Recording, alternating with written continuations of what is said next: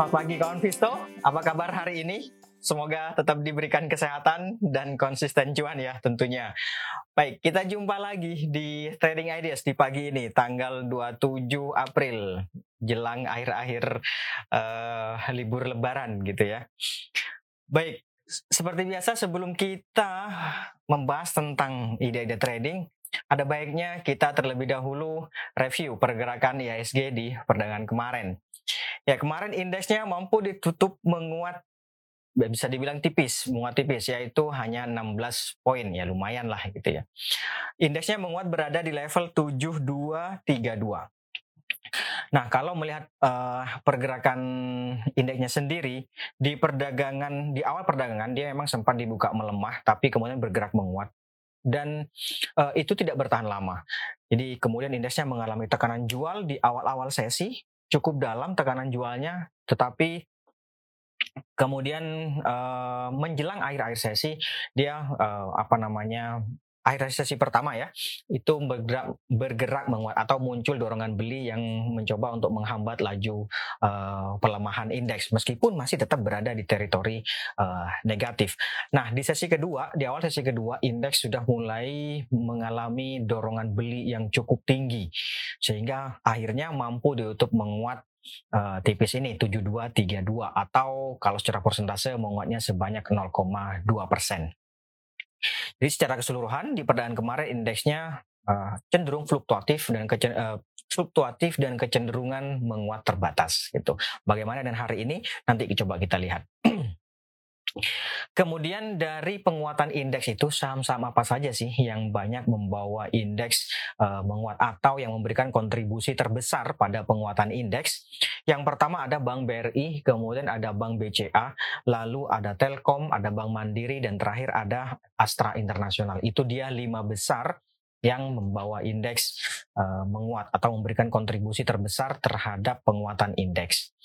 Sementara sebaliknya, lima besar saham yang mencoba untuk menghambat laju penguatan indeks, yang pertama ada Goto kemudian ada MDKA atau Merdeka Copper Gold, lalu ada Inco, ada Aneka Tambang atau Antam, dan terakhir ada BEPS. Itu dia lima besar saham yang mencoba untuk menghambat laju penguatan indeks. Bagaimana dengan transaksi asing? Di perdagangan kemarin, asing sendiri kembali mencatatkan net buy sebanyak 1,27 triliun. Ini banyak banget banyak banget 1,2 triliun memang sih kalau kita uh, rinci di perdagangan reguler sendiri aslinya mencatatkan net buy sebanyak 1 triliun 1,08 triliun lebih tepatnya ini juga banyak banget di pasar reguler gitu ya. Sementara di pasar non reguler aslinya mencatatkan uh, juga net buy sebanyak 184 uh, bio. Jadi kalau di total menjadi 1,2 triliun. banyak banget. Dari net buy asing itu saham-saham apa saja sih yang banyak dibeli oleh uh, asing? Yang pertama ada Bank BCA, kemudian ada Bank BRI, lalu ada juga Bank BNI, kemudian Telkom dan terakhir ada United Tractors atau uh, UT, UNTR. Itu dia lima besar saham yang banyak dibeli oleh asing. Tiga di antaranya, tiga terbesar itu saham-saham perbankan. BCA, BRI, dan BNI. Kemudian Sebaliknya, lima besar saham yang banyak dijual oleh asing. Yang pertama ada Adaro, kemudian ada Inco, lalu ada ADMR, ada Bumi, dan terakhir ada ITMG. Jadi praktis lima besar saham yang banyak dijual oleh asing adalah semuanya saham-saham mining, bisa dibilang seperti itu lima besarnya Adaro, Inco, eh, ADMR, kemudian Bumi dan ITMG. Itu dia yang banyak dijual oleh uh, asing. Bagaimana outlook hari ini? Ya, kalau melihat pergerakan harga di perdagangan kemarin, sebagaimana tadi saya sampaikan bahwa cenderungnya adalah cenderung menguat, maka sebenarnya masih ada peluang untuk melanjutkan penguatannya, itu kan ya? Atau setidaknya melanjutkan konsolidasi yang terjadi selama lebih dari dua pekan terakhir ini. Tetapi uh, melihat apa namanya MACD yang masih cenderung melemah ini saya khawatirnya ini akan mencoba untuk menghambat laju penguatan indeks sehingga memang betul sih bisa saja di awal ini dibuka melemah cukup dalam bisa saja kembali uji EMA 20 seperti ini gitu ya tetapi seiring dengan berjalannya waktu nanti pelemahannya mungkin bisa saja uh, terbatas gitu. Jadi secara keseluruhan indeksnya diperkirakan sih uh, cenderung fluktuatif lagi, tapi kecenderungannya bergerak fluktuatif lagi, tetapi kecenderungannya masih menguat terbatas. Tadi bisa saja di awal dibuka melemah cukup dalam, tetapi seiring dengan berjalannya waktu pelemahannya semakin menipis. Meskipun tidak mampu berada di teritori uh, positif misalnya seperti itu, tapi uh, apa namanya ada peluang untuk cenderung menguat itu saja. Ya, itu indeksnya pergerakannya masih sama yaitu di ring pergerakannya 7150 sampai dengan 7300 uh, gitu ya. Itu untuk uh, indeks. Kemudian sekarang kita ke ide trading. Ide trading yang pertama ada sebentar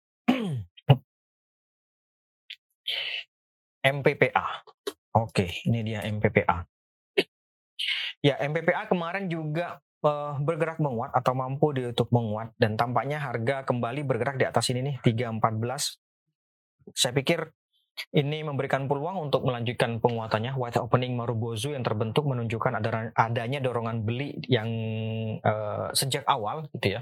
Meskipun di akhir-akhir sesi tampaknya harga mengalami sedikit tekanan jual. Tapi saya pikir ini ada dua strategi yang bisa dipertimbangkan. Yang pertama adalah trading buy. Kenapa trading buy? Ya karena memang resistance levelnya yang terdekat itu ini di sini nih. 340 340 kemudian di atasnya ada 354 354 yang hijau ini kawan. Jadi karena resistance levelnya sudah cenderung uh, terbatas makanya uh, trading buy gitu ya. Yang kedua adalah bisa saja si buy on weakness kalau mau. Jadi misalnya nih trading buy boleh dipertimbangkan di 324 sampai dengan 3 uh, 30 misalnya. Oke okay, boleh di, di level-level itu. Nanti target take profitnya itu tadi yaitu di 340 sampai dengan 354 atau kalau mau buy on weakness ya boleh saja sih tunggu di tiga uh, berapa tiga 320 atau 314 sampai dengan 320 saya pikir bisa saja di level-level itu juga gitu ya. Oke, kalau misalnya nih dapat harga di 320 misalnya ya 340 sih menurut saya sih sudah cukup sih harusnya. Oke, kalau melihat stokastik nih, ini kan bullish crossover nih. Saya pikir masih ada peluang sih untuk bergerak uh, menguat meskipun penguatannya sudah terbatas. Stop loss nanti kalau harga terus melemah sampai di bawah uh, eh, 314 bagi yang trading buy tentu uh, di bawah 314 tapi kalau bagi yang buy on weakness menurut saya ada baiknya dipertimbangkan juga di bawah 306 310 uh, ya 306 di bawah 300 juga boleh. Oke, okay. itu untuk MPPA. Kemudian ada lagi weird. Ya, weird sampai saat ini masih uh, melanjutkan pelemahannya. Saya pikir kalau tertarik ke weird mending tunggu ada sinyal-sinyal uh, rebound gitu ya. Sampai dengan saat ini kan dia malah mengalami uh, tekanan jual yang cukup tinggi nih. Bagi yang sudah punya ya langsung aja buang. Apalagi punyanya di IPO gitu ya. Uh, itu sudah diberikan kesempatan beberapa uh, minggu sebelumnya gitu kan ya untuk jualan. Tapi kalau tetap ditahan ya mungkin saat inilah waktunya untuk jual gitu ya. Mudah-mudahan sih laku. Kalau bagi tapi bagi yang tertarik bagi yang tertarik untuk masuk enggak saya nunggu. Saya mau masuk kok bukan mau jualan.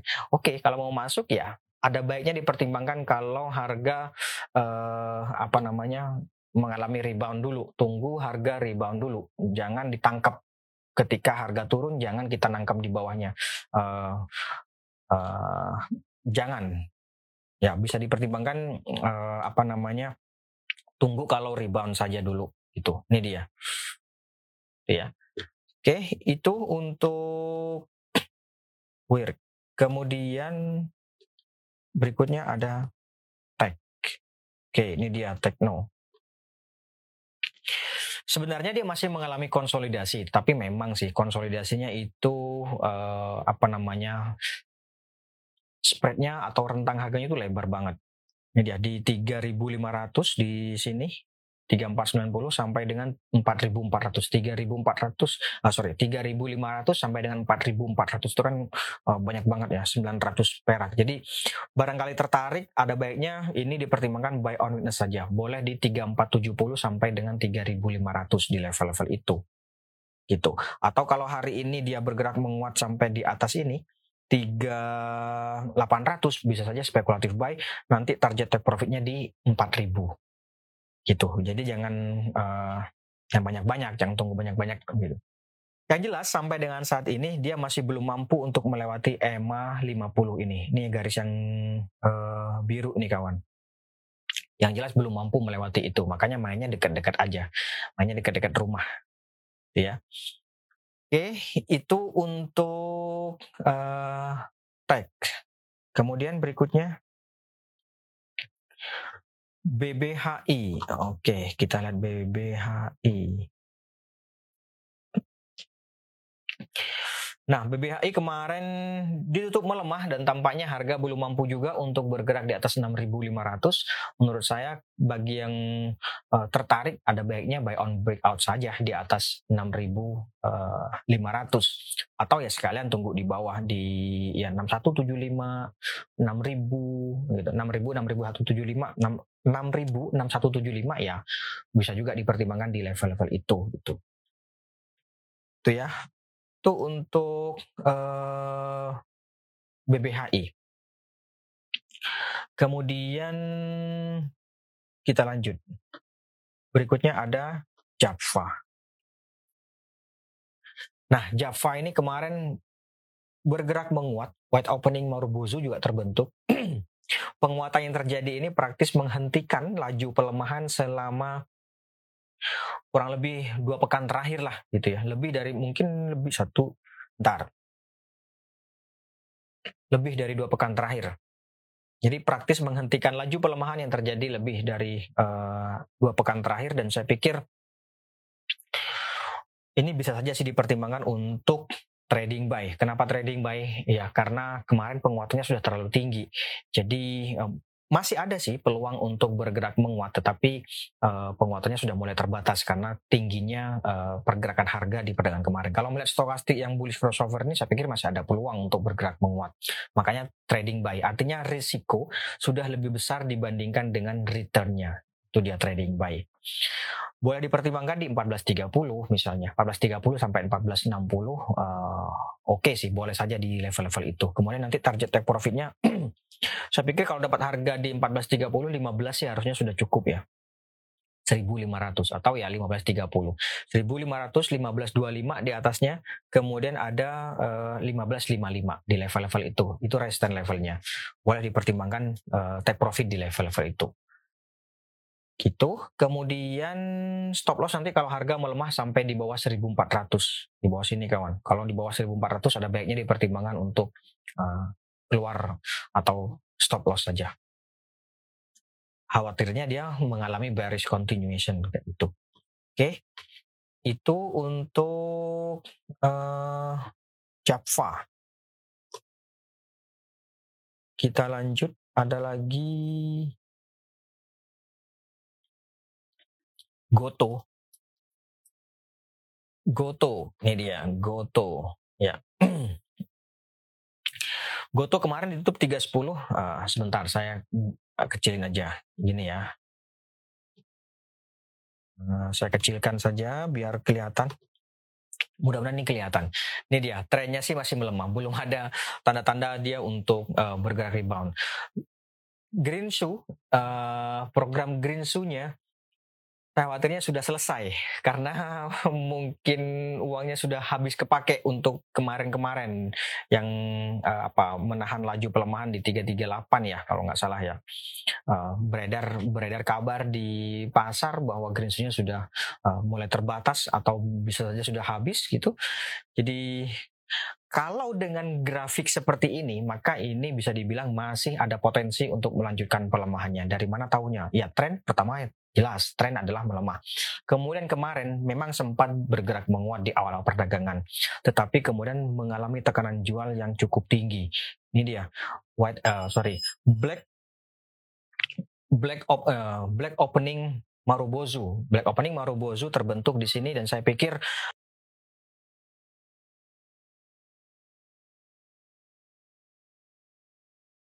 ada potensi untuk kembali melanjutkan uh, pelemahannya gitu. Kalaupun tertarik ke saham Goto ini, sebaiknya menurut saya adalah tunggu nanti ketika dia mulai berbalik arah atau reversal. Kapan itu? Saya pikir tidak dalam waktu dekat. Yang jelas sampai dengan saat ini belum ada tanda-tanda untuk mengalami uh, reversal, gitu ya. Oke, itu dia Goto. Kemudian MPPA, MPPA tadi sudah. BPA tadi sudah. Oke, kita ulangi dulu ya. Uh, sedikit kita ulangi sedikit MPPA-nya. Persingkat saja MPPA. MPPA ini trading buy boleh dipertimbangkan 324, 330. Saya pikir boleh di level-level itu. Nanti target take profitnya di 340 sampai dengan 354. Uh, eh, itu dia. Jadi kalau melihat pergerakan kemarin terlebih juga stokastiknya itu memberikan peluang untuk bergerak uh, menguat. Oke, itu MPPA. Kemudian kita lanjut lagi. Ada Antam, Antam. ya, sebenarnya cukup menarik sih kalau melihat uh, pergerakan Antam ini ya selama beberapa hari terakhir. Sebentar. Nah, kita bisa saja uh, ambil begini. Tunggu sebentar dulu dari sini deh. Nah, ini dia. Pelemahan terjadi selama lebih dari sepekan terakhir atau ya enam hari bursa lah, enam hari bursa terakhir ya. Berarti kan lebih dari sepekan. Kemarin dia mencoba untuk bertahan di atas EMA 50. Ini dia. EMA 50-nya di sini kawan.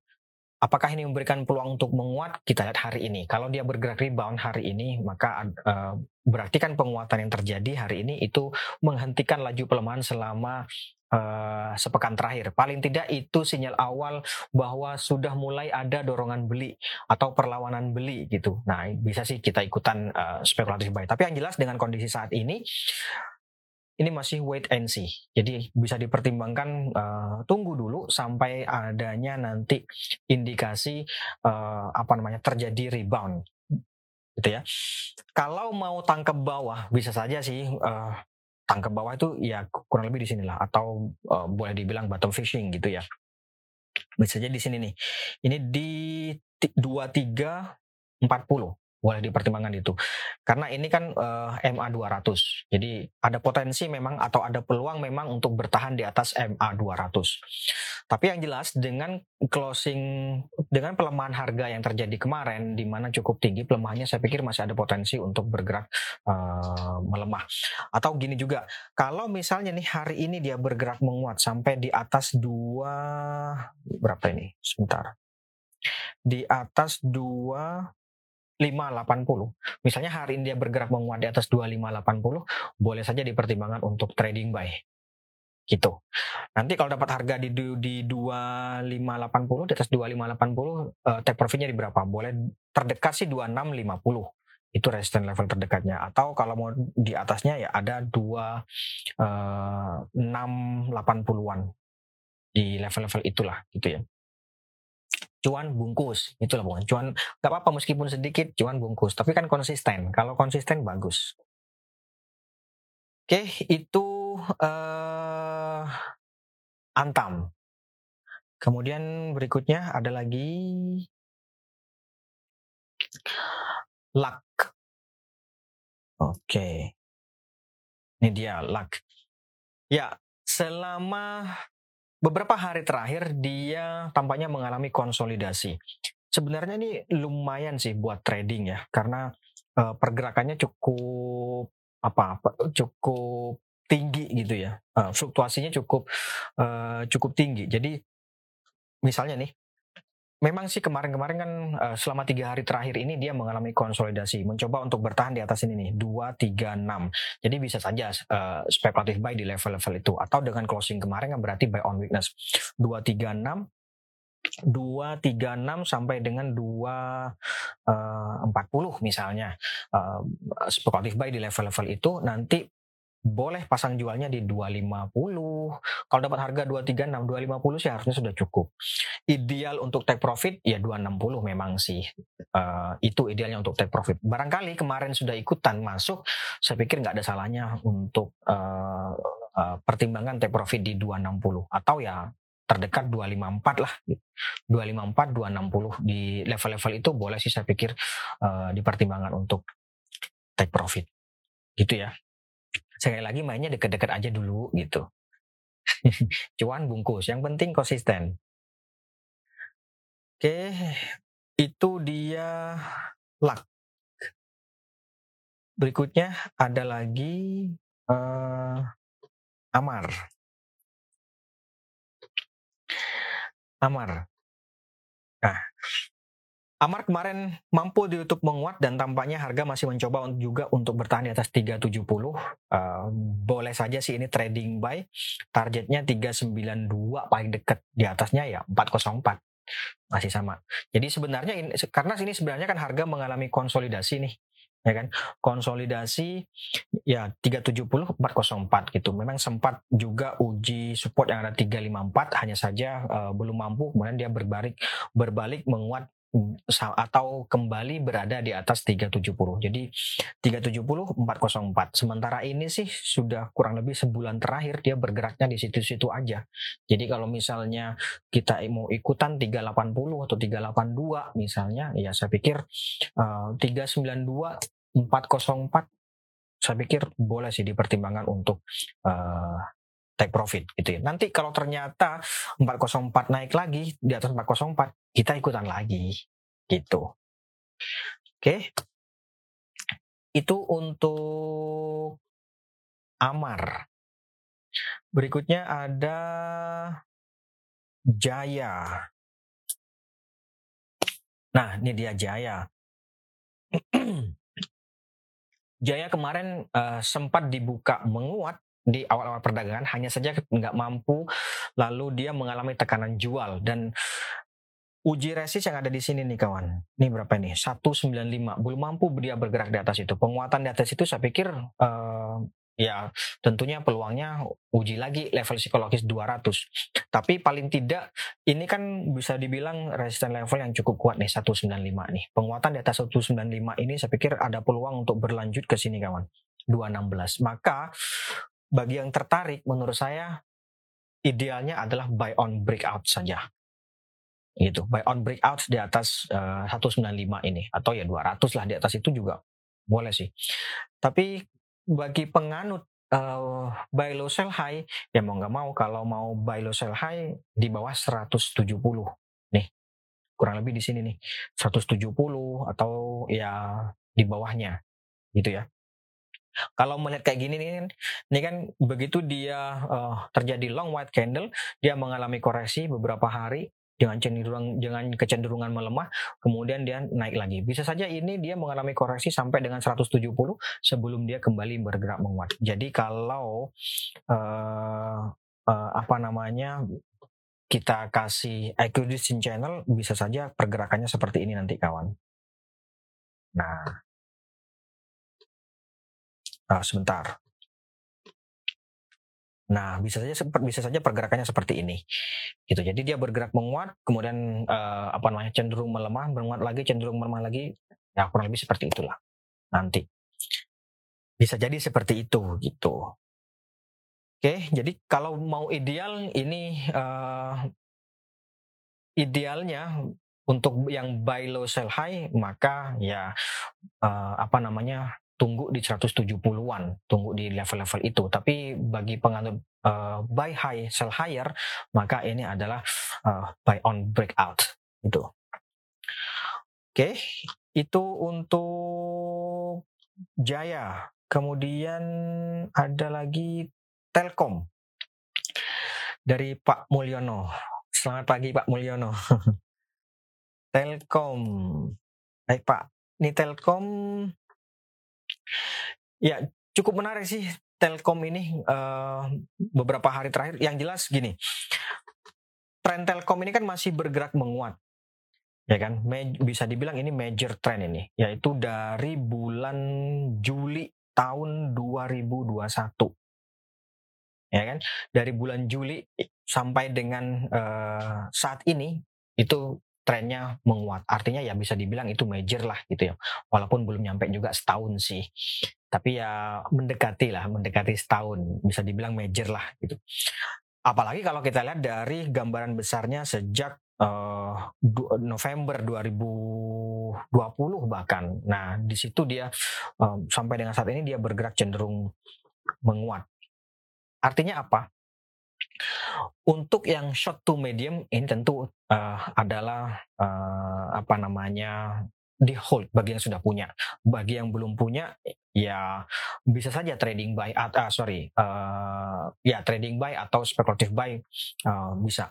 Tapi memang idealnya kalau mau masuk, tentu masuknya itu di sebentar, saya ambil garisnya. Garisnya sih nggak gitu kelihatan. Nah, Nah ini dia. Kalau mau ideal, ya tentu kita tunggu di level-level sini. Tapi kan kemarin masih bergerak cenderung menguat nih. Uh, bahkan mengalami all time high ya, kalau nggak salah ya. Nah sebentar. Yang jelas all time record. Kemarin 46, 47, 60. Iya, 47. Ini sudah all time high ini. Jadi saya pikir uh, boleh saja dipertimbangkan untuk uh, apa namanya trading buy juga boleh gitu. Karena setahu saya kan Pak Mulyono trading nih ininya. Jadi bisa saja dipertimbangkan untuk trading buy nanti 4830 itu uh, bisa saja dipertimbangkan untuk uh, take profit gitu. Yang jelas kalaupun mau disimpan untuk short to medium saya pikir juga cukup menarik sih ini. Masih oke okay lah gitu ya.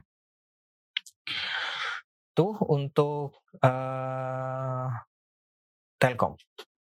Kemudian ada lagi nggak? Buka, buka, buka. Ya, Buka ini sejauh ini dia mengalami konsolidasi. Sudah sepekan terakhir ini dia mengalami uh, ya empat hari terakhir lebih pasnya ya mengalami konsolidasi dan tampaknya sedang mencoba juga untuk bertahan di atas tiga apa ini sorry di atas EMA 50 yaitu 354. Jadi saya pikir kalau mau ideal ya buy on weakness 354 di level-level itu tungguin di di di level-level itu. Tapi yang jelas resisten levelnya itu 390. Kalau masih dinilai layak dan logis saya pikir bisa saja trading buy juga gitu ya. Nanti jualnya ya kalau dapat harga katakanlah di 350 oh, sorry 354 atau bahkan 360 gitu ya uh, eh, 380 sih harusnya sudah cukup sih untuk take profit gitu ya. 390 kemudian uh, 380 di atasnya ada 390 nanti kalau misalnya ternyata menguat di atas 390 ya kita ikutan lagi itu oke okay. nebeng lagi kita.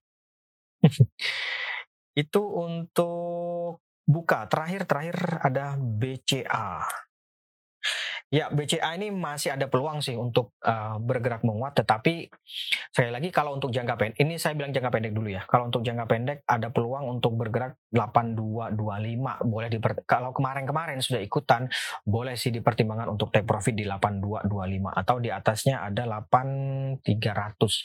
Ya 8200, 8300 itulah boleh dipertimbangkan take profit di level-level itu. Kalau kemarin belum ikut mau baru mau masuk sekarang bisa saja sih trading buy. Kemarin kan closing 8125, masih cukup nggak 8200? 75 perak oke okay nggak buat trading? Nah itu yang kembali nanti ke diri masing-masing. Kalau misalnya dinilai, dinilai layak, ya nggak apa-apa trading buy nanti jualnya 8200. Tapi kalau view-nya adalah short to medium, tidak mempertimbangkan jangka pendek, ya ini buy saja. Atau kalau mau ideal juga hari ini uh, misalnya bergerak melemah, ya kita tunggu lagi aja. Bisa di 7850, di level-level itu lagi, 7850, 79. Apakah itu terjadi hari ini? Ya eh, mungkin saja tidak, tapi coba aja tungguin di level-level itu gitu. Untuk yang short to medium kan gitu. Oke, saya pikir itu dulu mungkin kawan Visto untuk hari ini. Terima kasih atas kehadiran dan partisipasinya. Kita jumpa lagi uh, besok.